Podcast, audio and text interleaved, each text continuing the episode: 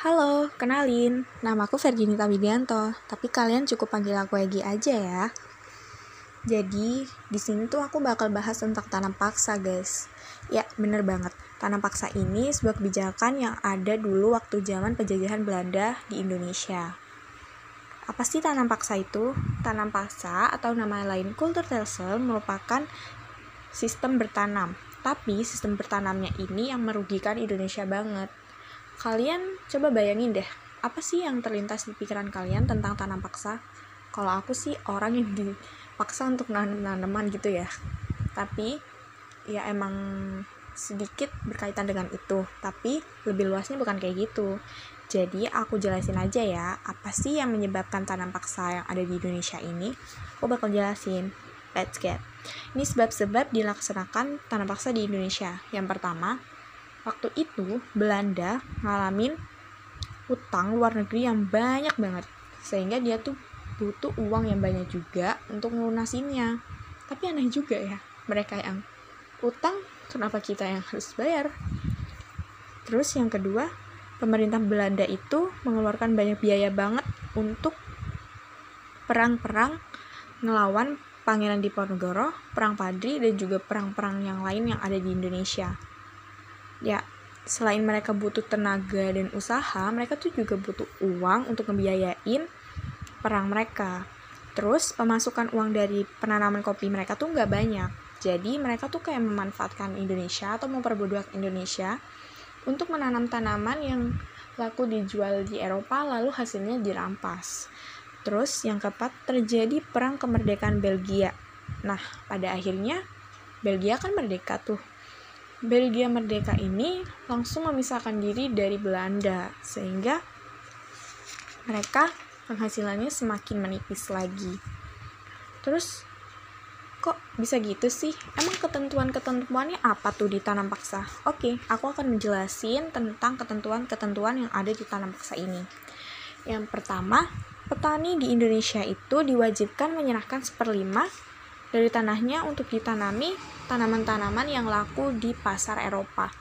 Jadi, setiap petani yang punya tanah itu seperlima dari tanahnya harus ditanami oleh tanaman-tanaman yang laku di Eropa. Lalu hasilnya bakal diambil oleh Belanda. Wah, gila sih. Ini diperbudak banget. Terus yang kedua, tanah yang diserahkan kepada pemerintah itu tidak dikenai pajak. Hmm. Yang ketiga, jika hasil tanaman yang diserahkan kepada pemerintah melebihi pajak, kelebatan tersebut akan dikembalikan kepada petani. Aku nganggepnya ini sedikit manusiawi ya, tapi faktanya hasil yang lebih itu gak pernah dikembaliin kepada petani loh guys. Gila, kejam banget sih Belanda ini. Terus, waktu yang diperlukan untuk mengerjakan tanah tidak boleh melebihi waktu untuk menanam padi. Waktunya singkat banget tapi mereka tuh pengen hasilnya bagus untuk diekspor ke Eropa. Wah gila sih ini. Terus penduduk yang tidak memiliki tanah wajib bekerja di perkebunan pemerintah Belanda selama 65 hari. Bayangin kalian gak punya tanah tapi disuruh kerja. Kerjanya ini kalian gak diupah guys. Tapi kalian ngasihin upah kalian ke mereka. Wah Terus kerusakan tanaman karena bencana alam ditanggung oleh pemerintah. Nah, tapi faktanya ini, pemerintah itu nggak mau tahu tentang bencana-bencana alam yang terjadi. Jadi, semisal kita punya kerusakan atau sebuah musibah bencana alam, mereka akan tutup telinga, mereka nggak mau tahu. Dan kita tetap akan bayar dendanya. Terus pelaksanaan tanam paksa ini diserahkan kepada pemimpin-pemimpin pribumi yang meng dan pegawai Eropa yang bertindak sebagai pengawas. Hmm, jadi bisa dibilang kayak mandor gitu ya. Terus, apa sih dampak positif dan dampak negatifnya? Jangan salah ya, bukan karena namanya tanam paksa, tapi nggak ada dampak positifnya sama sekali. Tentu aja ada. Aku bakal jelasin dampak positifnya dulu. Rakyat Indonesia mengenal teknik menanam jenis-jenis tanaman baru. Nah, mereka tuh kan pastinya bakal diajarin dulu sama Belanda sebelum mereka menanam tanaman yang Belanda mau gitu. Jadi, mereka dikasih caranya agar mereka mengerti. Terus yang kedua, rakyat Indonesia mulai mengenal tanaman dagang yang berorientasi ekspor.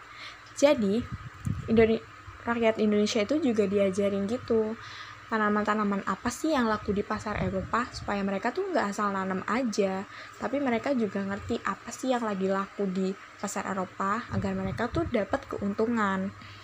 Terus dampak negatif. Kayaknya dampak negatifnya lebih banyak sih ini. Satu kemiskinan. Ya iyalah orang mereka kerja gak diupah malah dirampas lagi upahnya. Ya gimana mau kaya? Ya pastinya dapat jadi miskin lah. Terus beban pajak yang berat ya iyalah orang mereka yang punya tanah tapi mereka juga yang dimintain pajak. Kan Belanda yang numpang kenapa kita yang bayar pajak? Terus yang ketiga pertanian khususnya padi banyak mengalami kegagalan panen. Kenapa nih? Padahal waktunya udah sesuai untuk menanam padi. Ya di sana itu dulunya banyak banget wilayah-wilayah yang kurang subur karena wilayah-wilayah yang subur itu dirampas oleh Belanda. Terus yang keempat kelaparan dan kematian. Ya gimana gak mau kelaparan orang mereka aja nggak punya uang untuk beli bahan pokok makan mereka. Jadi kebanyakan dari mereka mengalami kematian dan juga kelaparan. Jadi penduduk Indonesia itu mengalami penurunan guys. Wah gila parah banget ya.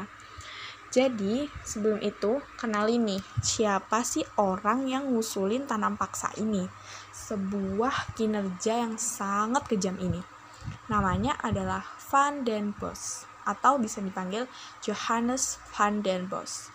Dia itu gubernur jenderal dari Belanda yang memimpin Indonesia sejak tahun 1830 sampai 1834 Wah gila, orang ini kejam banget guys. Nah, sekian.